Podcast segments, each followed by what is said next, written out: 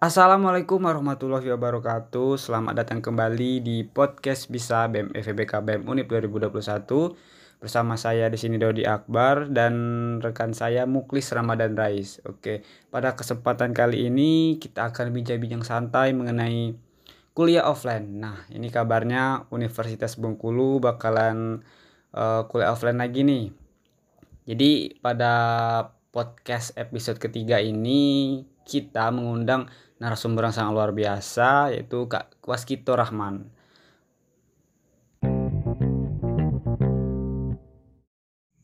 Oke, jadi Kak Waskito ini adalah Menteri Dalam Negeri BMKBM Unip. Nah, beliau juga orang yang sering berdiskusi dengan pihak universitas. Oke, mungkin dari Kak, Kak Waskito boleh memperkenalkan diri dulu.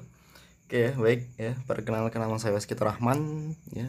Untuk nama panggilan Kikit ya dari jurusan Manajemen Fakultas Ekonomi dan Bisnis Universitas Bengkulu dan sekarang saya menjabat sebagai Menteri Dalam Negeri BMKPM Unip Kabinet Reaksi Artileri ya. Untuk alamat ya, saya tinggal di Pematang Gubernur ya. Kecamatan Muara Bangkahulu, Kota Bengkulu ya. Oke, kabarnya nih kita kan bakal kuliah offline nih. Jadi respon terkait uh, adanya tatap muka itu gimana menurut Kak Kikit? Oke ya Uh, kalau ditanya respon ya, ya saya sebagai mahasiswa dan juga uh, dari BEM Universitas juga ya tentunya ada respon positif dari kita semua karena juga banyak dari teman-teman mahasiswa terutama mahasiswa baru semester 1 dan juga semester 3 yang belum menikmati atau mencicipi ya bagaimana rasanya kuliah offline di Universitas Bengkulu. Jadi harapannya ya terkait dengan uh, kemungkinan nanti di semester depan akan dilaksanakannya kuliah tatap muka. Saya yakin banyak orang yang akan menyambut uh, menyambut respon ini dengan respon positif ya agar tetap bisa memaksimalkan bagaimana proses pendidikan di Universitas Bengkulu ya menjadi lebih baik. Karena sekarang banyak sekali keluhan ya terkait dengan kuliah offline eh, kuliah online yang notabene terkendala dengan sinyal kuota dan lain sebagainya akan tertutupi saat kita mencoba melaksanakan atau memaksimalkan kuliah secara tatap muka yang insya Allah ya kita berjuangkan di semester depan. Oke, tadi kan terkait respon dari Kak Kiki tadi kan uh, ada respon positif ya, ya dari benar. maba tuh. Apalagi dari maba 2020 nih yang belum belum belum merasakan apa sih? offline. Nah, ya, belum ya. merasakan offline. Jadi uh, kalau sebelum kita masuk ke kuliah offline nih Kak, apa sih yang perlu dipersiapkan oleh mahasiswa di masa pandemi ini? Apalagi uh, terutama untuk uh, adik-adik angkatan 2020 20, ya sama, sama 2021 ya. Gimana tuh kak? Nah terkait ya kalau kita berbicara masalah persiapan pasti harus ada persiapan. Karena kan kita di sini uh, meskipun ya notabene kita melihat bahwasanya kasus pandemi covid ini semakin lama semakin menurun tapi bukan berarti kita lengah begitu aja ya yang dikhawatirkan akan menjadi klaster baru saat kita tidak mempersiapkan keperluannya untuk menghadapi kuliah tatap muka ini. Ya salah satunya juga pernah disampaikan ya di zaman atau di periode rektor Pak Ridwan Nurazi ya. Beliau sampaikan bahwasanya ya, vaksinasi itu menjadi poin penting ya saat kita mencoba untuk uh, mempersiapkan kuliah uh, secara tatap muka. Karena itu ada akan menjadi poin utama kita dalam melaksanakan kuliah tatap muka kalau tidak ada vaksin dan tidak ada kekebalan imunitas pada mahasiswa itu sendiri ya sama sama aja kita membuat semacam klaster baru di Universitas Bengkulu ini. Itu yang tidak kita inginkan dan semua orang tidak inginkan hal itu terjadi di Universitas Bengkulu ini. Oke jadi ya betul sekali sih itu. Jadi yang harus kita lakukan itu harus vaksin dulu kak ya. Hmm. tapi unit kemarin itu ada ngadain vaksin nggak sih? Udah ada. Ada ada ya direktorat kalau nggak salah. Oke jadi untuk maba nih pokoknya kalian sebelum kuliah offline jadi pastikan harus sudah vaksin karena itu wajib hukumnya ya. Berarti perlu sertifikat vaksinasi gitu ya. Iya, betul, betul. Oke, tadi uh, pembahasannya ada sedikit ada yang vaksinasi gitu ya. Tadi kan kalau nggak salah Unip ini pernah ya mengadakan vaksin udah pernah sekali gitu ya. Iya, iya. Kalau nggak salah kan vaksin ini kalau dari pemerintah harus tiga kali ya kak ya, sampai vaksinasi ketiga ya yang diberlakukan oleh pemerintah. Apakah Unip ini nanti bakal memperlakukan sampai yang ketiga juga kak? Kalau dari kakak gimana? Oke, ini berbicara masalah vaksin ini banyak nih, banyak yeah. orang-orang yang pastinya akan terlibat ya, terutama yang kemarin ya vaksinasi pertama yang melibatkan dari Polda juga yang bekerja sama dengan pihak universitas ya. Tentunya untuk ke depannya sebenarnya untuk vaksinasi ini terbuka secara luas ya di puskesmas, di rumah sakit dan lain sebagainya sudah terbuka secara luas. ya yang mungkin ya yang sedikit kurang adalah bagaimana cara kita menginformasikan kepada seluruh masyarakat Universitas Bengkulu ya dalam artian seluruh mahasiswa Universitas Bengkulu itu sendiri ya artinya ya kalau kita bisa lihat dari spekulasinya kita di sini sudah terbuka luas ya untuk proses vaksinasi. Sudah banyak sekali tempat-tempat untuk bisa kita lakukan vaksinasi ya. Sudah banyak sekali tempat-tempat link ya.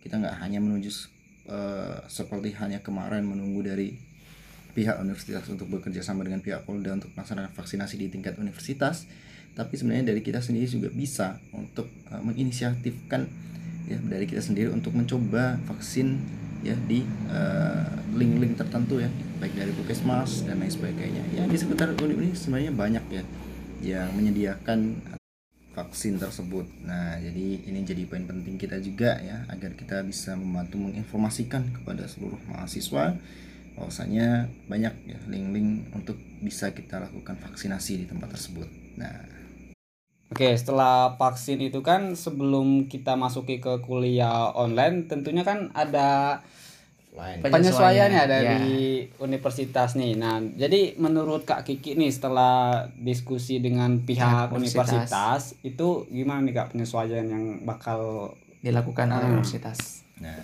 ya. Ini menarik ya kalau kita bahas terkait dengan eh, persiapan kuliah offline ini teman-teman mahasiswa baru ataupun teman-teman yang belum pernah merasakan pasti melek lah nah, ibaratnya ya matanya ya. Nah kalau kita bisa lihat ya dan juga uh, kemarin juga sempat diskusi dengan pihak pimpinan Universitas Bengkulu ya. Kalau kita bisa lihat dan kita pahami bersama-sama untuk persiapan ini pasti nggak langsung full ya teman-teman ya. Nggak langsung full karena kita coba menyesuaikan juga menyesuaikan ya. Ini kita belum menang ya bahasanya. Belum menang lawan covid ini belum menang sepenuhnya ya. Artinya ya kemungkinan nanti akan kita buat ya dari mahasiswa baru yang angkatan 2020 dan juga 2021 yang belum pernah merasakan kuliah offline. Nah nanti di situ mereka dulu nih yang akan kemungkinan nanti akan uh, kuliah offline terlebih dahulu. Dan selebihnya nanti akan menyesuaikan ya. Menyesuaikan sampai nanti kita memang benar-benar biasa aman ya terkait dengan keadaan ya pandemi covid saat ini. Itu ya. Oke, tadi itu yang disampaikan Kak Kiki tadi terkait sistematika ya kurang lebih. Nah, kalau yang saya dengar-dengar mungkin di berita ya dari kementerian itu ada menyampaikan bahwa uh, untuk penyesuaian yang kuliah offline ini di era pandemi ini bakal ada persenan-persenan untuk mahasiswa. Artinya ada shift-shift tertentu yang bakal diperbolehkan untuk kuliah offline. Nah, kalau di Universitas Bengkulu sendiri yang Kak Kiki tahu dari diskusi bersama universitas seperti apa Kak? Apakah ada perbedaan? Oke, uh, untuk persentase ya, uh, kakak belum bisa menjawab ya karena ini belum terlalu jauh ya dibicarakan ya dengan pihak pimpinan universitas ya, tapi ya yang sudah kakak sampaikan di awal tadi ya teman-teman mahasiswa baru ini akan jadi prioritas utama ya yang akan coba uh, dilaksanakan kuliah offline terlebih dahulu. Kalau untuk persentasenya ya belum bisa kakak jawab nanti takutnya ya yang kakak sampaikan tidak sesuai dengan informasi yang sudah uh, ditampung sebelumnya ya takutnya nanti ada semacam miskomunikasi jadi untuk persentase belum bisa kakak jawab tapi kemungkinan nanti akan diprioritaskan yang paling utama adalah teman-teman mahasiswa yang belum pernah merasakan ya uh, perkuliahan secara offline sebelumnya Oke, jadi ini kabar baik ya untuk mahasiswa yang pertama mahasiswa baru ya yang belum yeah. ngerasain kuliah offline. Oke, jadi kalau kita bicara mengenai kuliah offline tentunya itu kan ada kayak uh, aktivitas ya dari mahasiswa di dalam kampus tuh. Jadi dari ketaatan mahasiswa itu itu sendiri terhadap aturan yang diberikan universitas itu uh, terkait pengurangan atau penambahan aktivitas itu seperti apa tuh kak? Oke ya, uh, ini menarik juga ya. Kalau kita melihat dari ketaatan ini perspektif kakak ya, selaku juga mendagri ya juga uh, mengkoordinir dan juga sering mengkomunikasikan dengan teman-teman ya terutama ya organisasi-organisasi apabila uh, pihak pimpinan membuat suatu aturan ya rata-rata mereka semuanya itu adalah taat dan juga mereka memaklumi. Dan juga perlu kakak sampaikan ya keputusan atau kebijakan dibuat itu pasti berdasarkan dengan alasan-alasan tertentu bukan hanya ceplos-ceplos saja tapi banyak sekali pertimbangan ya ditambah lagi ya yang sudah sering kakak sampaikan. Ini situasi yang membuat kita harus melakukan hak dan kewajiban kita tidak secara penuh artinya dibatasi ya. Artinya ya artinya bukan semata-mata uh, kebijakan itu dibuat untuk uh, membatasi tapi pasti ada alasan tertentu dan juga alasan yang memang di situ ada landasan kuatnya. Mereka membuat kebijakan yang harus ditaati oleh mahasiswa. Sejauh ini untuk uh, ketaatan kepada organisasi ya uh, terkait dengan kebijakan yang sudah dibuat oleh universitas itu sudah cukup bagus ya cukup bagus. Mereka menerapkan mereka juga menjalankan uh, aturan yang sudah dibuat oleh universitas kepada seluruh mahasiswa. Oke, jadi aturan-aturan itu pastinya nggak sembarangan ya kak ya. Jadi pasti ada ada apa sih?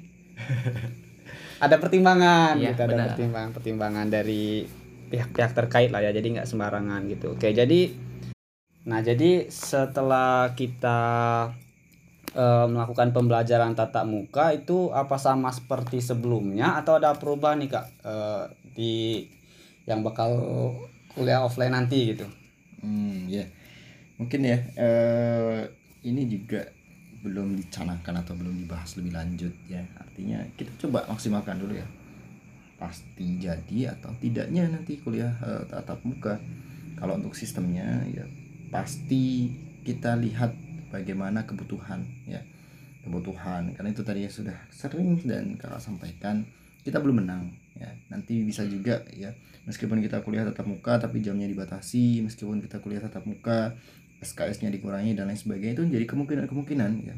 Agar tidak menjadi klaster lagi ya. Artinya kita kuliah tatap muka dan kita juga melihat kondisi kita juga melihat keadaan. Ya kita nggak bisa mengambil keputusan secara langsung karena ini butuh banyak sekali pertimbangan. Intinya ya intinya yang perlu kita jelaskan bersama kepada teman-teman mahasiswa baru juga teman-teman yang belum pernah merasakan ya eh, indahnya dunia kampus ya ya sangat kita idolakan dan juga teman-teman mungkin banyak sering melihat di FTV wah kehidupan kampus tuh kayak gini ya. Benar benar benar. Nah, jadi persiapan-persiapan seperti itu ya kita bisa melihat bagaimana nanti urgensinya bagaimana nanti kebutuhannya bagaimana nanti hal yang akan didiskusikan hal-hal yang mungkin di situ eh, menjadi bahan pertimbangan ya pihak pimpinan untuk mengambil suatu keputusan terutama itu tadi apakah nanti sistemnya berubah atau tidak? Ya ini akan dibicarakan lebih lanjut. Jadi kakak belum bisa menjawab terlalu jauh ya. Karena memang ini yang membicarakan atau menyampaikan ataupun e, mengambil keputusannya itu bukan dari pihak mahasiswa tapi pihak universitas ya. Oke eh, tadi menanggapi sedikit mungkin yang terkait dengan persiapan daripada universitas. Ini kira-kira eh, hanya wacana atau memang sudah berapa persen kak persiapan daripada universitas? Sejauh ini yang kakak diskusi dengan pihak eh, universitas Oke, Eh, sejauh ini ya eh, banyak diskusi juga. Ternyata ya, ternyata bukan cuma mahasiswa loh yang menginginkan kuliah eh, tatap muka dari pihak pimpinan, dari dosen, dekan, WD dan lain sebagainya semuanya tuh menginginkan kuliah tatap muka. Bahkan cleaning service satpam juga menginginkan ya. udah rindu ya Ya, udah rindu dengan mahasiswa, udah rindu dengan aksi demonya, udah rindu dengan kegiatan-kegiatannya. Lagi Pak Tomo ya. Iya, dari Pak Tomo juga ya, dari manajemen juga udah rindu dengan mahasiswa ya. Karena kalau kuliah eh, secara online nggak ada yang eh, mereka ajak untuk bercanda, untuk mereka ajak diskusi dan lain sebagainya ya. Nah, untuk persiapan sendiri ya dari universitas ya karena memang ini adalah keinginan dari semua pihak keinginan dari teman-teman juga dari pihak universitas pihak dosen dan pihak klinik service dan semua pihak yang menginginkan kuliah offline. Untuk persiapan ini sebenarnya bukan cuma wacana ya tapi ini sudah dipersiapkan sematang mungkin dari persiapan hand sanitizer tempat cuci tangan dan lain sebagainya itu sebenarnya sudah dipersiapkan. Ini bukan wacana ya justru ya justru semakin cepat kita melakukan atau melaksanakan proses vaksinasi semakin cepat juga teman-teman mahasiswa itu eh, melakukan vaksinasi semakin cepat juga nanti akan kita kuliah secara offline ya. Karena indikator utamanya adalah bagaimana kesiapan daripada mahasiswa itu sendiri. Kesiapan imun ya dan juga keadaan di sekitar kita. Ya pandemi covid sekarang alhamdulillah sudah semakin menurun ya. hari demi hari sudah semakin menurun Nah, dan harapannya ini akan terus dibicarakan lebih lanjut, ini akan terus eh, didiskusikan ya, lebih dalam ya. Tambah lagi ini adalah masa transisi ya, pergantian pimpinan universitas dari Pak Ridwan Nurazi ke Bu Retno yang kita harapkan ya, kita harapkan bersama akan terjadi perubahan besar di Universitas Bengkulu ini nantinya. Oke, jadi bicara mengenai vaksin ya. Ya, benar. Kan kemarin itu kalau nggak salah itu kan ada kabarnya kalau orang takut vaksin tuh karena oh vaksin ini nanti kamu sakit Banyak demam efeknya gitu, ya. Padahal bentol. Iya, padahal kan itu tergantung imun juga Ya, kan sebelum benar. kita vaksin itu. Nah, tanggapan dari Kak Kiki terkait hal ini tuh seperti apa tuh, Kak? Woi, ini menarik ya karena banyak yang apa ya bahasanya eh, tanggapan-tanggapan dari eh, masyarakat ya, terutama khususnya orang tua kakak sendiri yang sangat melarang ya terkait dengan vaksin. Tapi ya kalau kita berpikir lebih jauh ya eh, jangan sampai nah, bahasanya eh, kita eh, jadi orang-orang yang eh, mendahulukan atau terlalu berfokus atau mengambil media itu sebagai eh, inspirasi utama, tontonan utama. Tapi kita juga harus melihat dari beberapa sisi, ya dari beberapa perspektif agar kita bisa simpulkan.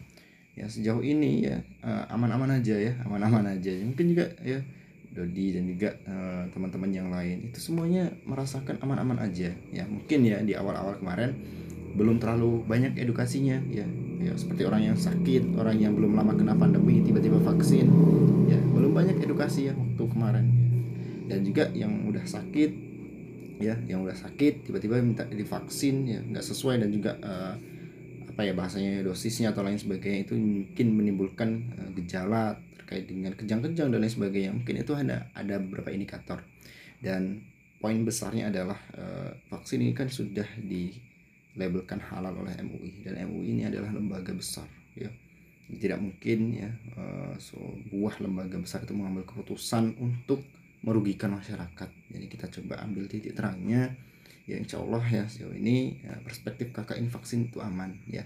Asalkan ya kita jaga kesehatan di awal sebelum vaksin sarapan kita tetap positive thinking dan lain sebagainya itu akan menjadi poin-poin penting dalam kita menyikapi hal ini. Ya, agar kita tidak takut nih teman-teman. Ya yang jelas itu terkait dengan vaksin ya. Jangan sampai ya eh, ada indikator lain ya tiba-tiba ada yang nyatakan takut jarum suntik kak. Ya itu beda lagi urusannya ya. Nah, Benar-benar. Iya. Kak, jadi eh, terkait efek samping itu apa ada kaitannya dengan jenis vaksinnya nggak sih? Kan ada tuh jenis vaksin Coronavac atau apalagi itu? Ada tiga. Moderna, Moderna, Moderna. Sinovac, Hmm. sama Tiga. Ya, itulah tiga pokoknya. ada tiga Pokoknya kan? itulah. Eh, dengar-dengar nih yang Sinovac itu yang bikin efek samping pusing nggak sih? Ya, benar. Benar nggak tuh? Nah, Kak, eh, terkait apa nih urgensi ya daripada perkuliahan tatap muka ini seperti apa, Kak? Oke, kalau kita lihat urgensinya ya, ini kuliah tatap muka ini sangat penting ya teman-teman ya, sangat penting. Karena kalau kita lihat dari beberapa eh, apa ya masukan dan juga keluhan itu dari dosen juga, dari dosen dari juga mahasiswa menyampaikan materi yang disampaikan itu kurang masuk ya, apalagi terkait orang-orang yang eh, dari jurusan ataupun fakultas kayak pertanian teknik yang butuh praktikum ya itu ya. Nah, mungkin kan dilakukan secara eh, apa secara online bahkan di penjas kemarin ya sempat eh, dosennya mengajar pemanasan itu lewat online ya olahraganya lewat online kan jadi Iya, iya. kita nggak dapat itu ya nggak dapat esensinya jadi sangat perlu ya ini jadi urgensi penting ya agar kita terus bisa menjadikan atau meneruskan ya, insan-insan cendekiawan ya insan-insan yang berkompeten ya, yang ini akan bisa kita akumulasikan bisa kita dapatkan melalui kuliah tatap muka yang insya Allah ya kuliah tatap muka ini lebih eh, bermanfaat ya lebih baik daripada kuliah offline Oke, dari BMU sendiri Kak, ada nggak sih program kerja yang khusus untuk menyambut eh, perkuliahan tatap muka ini? kalau program kerja yang nggak ada ya program kerja khusus ya. Karena program kerja kita kemarin dicanangkan di awal-awal kepengurusan ya. Jadi belum terbesit kemarin waktu itu ya, untuk agenda menyambut kuliah offline ya. Karena waktu itu pandemi lagi puncak-puncaknya tuh ya. Kita nggak berpikir jauh kuliah offline akan diadakan dalam waktu cepat. Nah itu ya untuk program kerjanya nggak ada. Tapi untuk menyambutnya ya, pasti karena itu juga adik-adik kita ya adik-adik kita kita juga punya tanggung jawab moral untuk bisa berkontribusi apalagi dari teman-teman mahasiswa juga. Kami selaku BEM itu melalui pelayanan dan pergerakan untuk terus ya berpartisipatif terkait dengan apa yang menjadi keluhan mahasiswa itu akan kami terus perjuangkan itu ka- akan kami terus tampung. Jadi sambutan kami seperti itu. Yang mulai dari advokasi dari pelayanan dan juga dari pergerakan BEM akan terus dan senantiasa bergerak untuk melayani mahasiswa ya Ya ya baiklah baiklah. Jadi jika saja nih kak konektivitas tempat tinggal para mahasiswa itu kan sama semua gitu, jaringannya jaringannya bagus, nggak ada kendala gitu. Nah menurut, nah menurut kak Kiki itu eh, efektif yang mana sih pembelajaran online atau offline gitu? Mengingat yang saya sampaikan tadi itu seperti apa tuh kak? Oke ya. Kalau ya misalnya nih, ya misalnya dari mahasiswa yang ada di dusun tuh sinyalnya bagus semua, di kota sinyalnya bagus semua. Kalau kuliah itu lancar lah, lancar jaya. Apakah eh, itu jadi poin pembanding ya?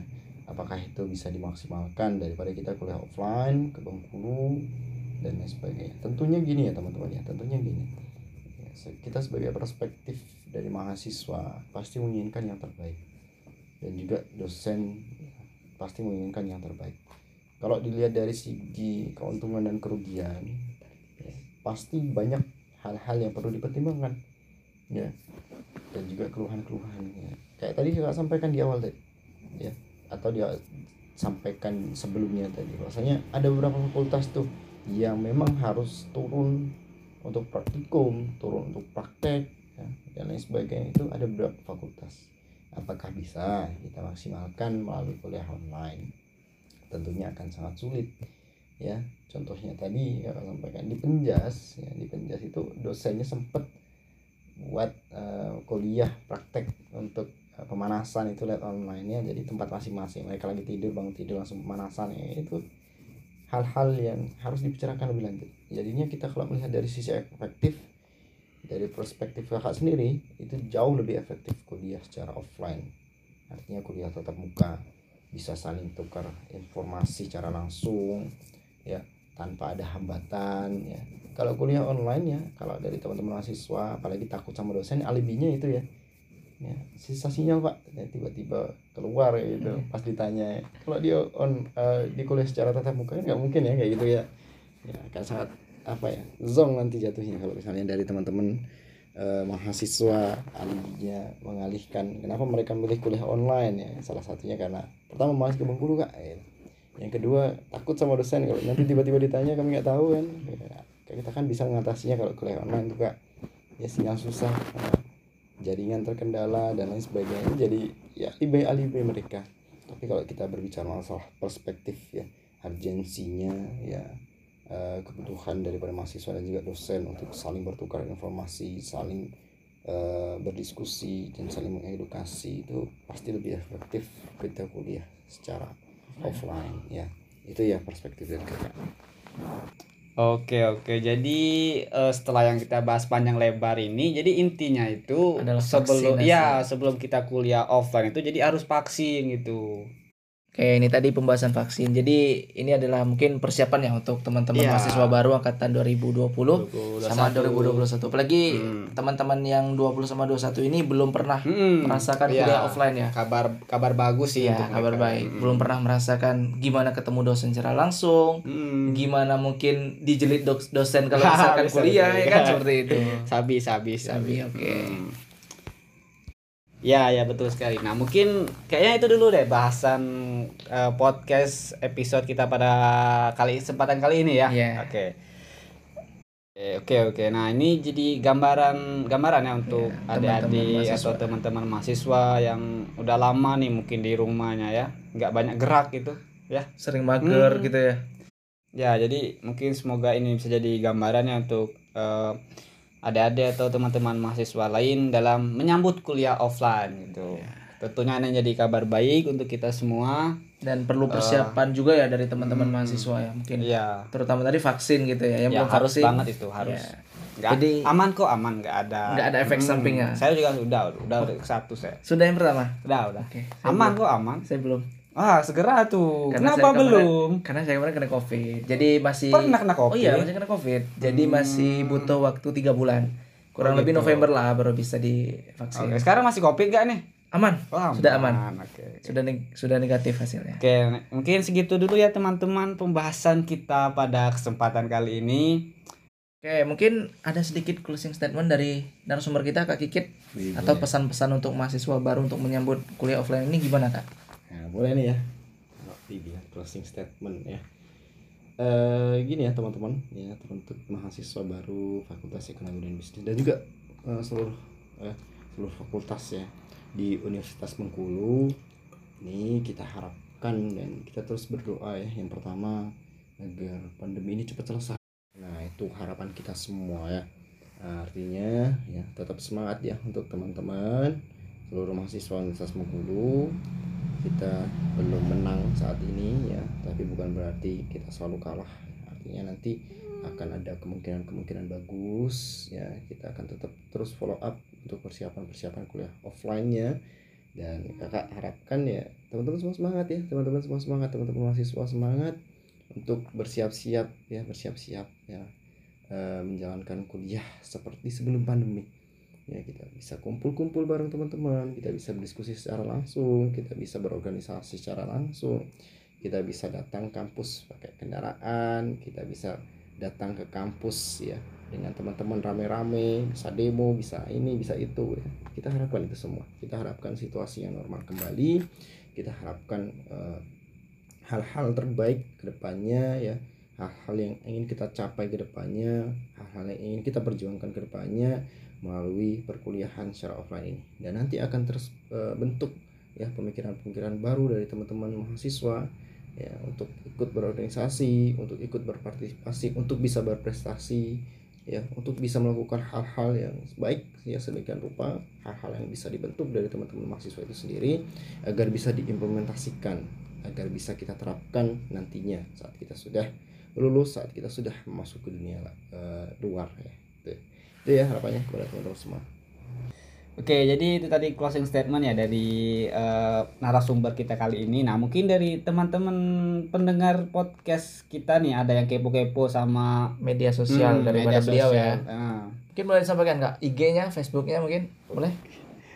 sensitif ya tapi perlu nih disampaikan ya Iya, siapa tahu ada calling-calling ini ya. Nah, ini gila nih. Oke, untuk eh, WhatsApp ya nanti silahkan cari di grupnya. Banyak nanti kita sudah satu grup, terutama di grup maba itu kakak ada di situ.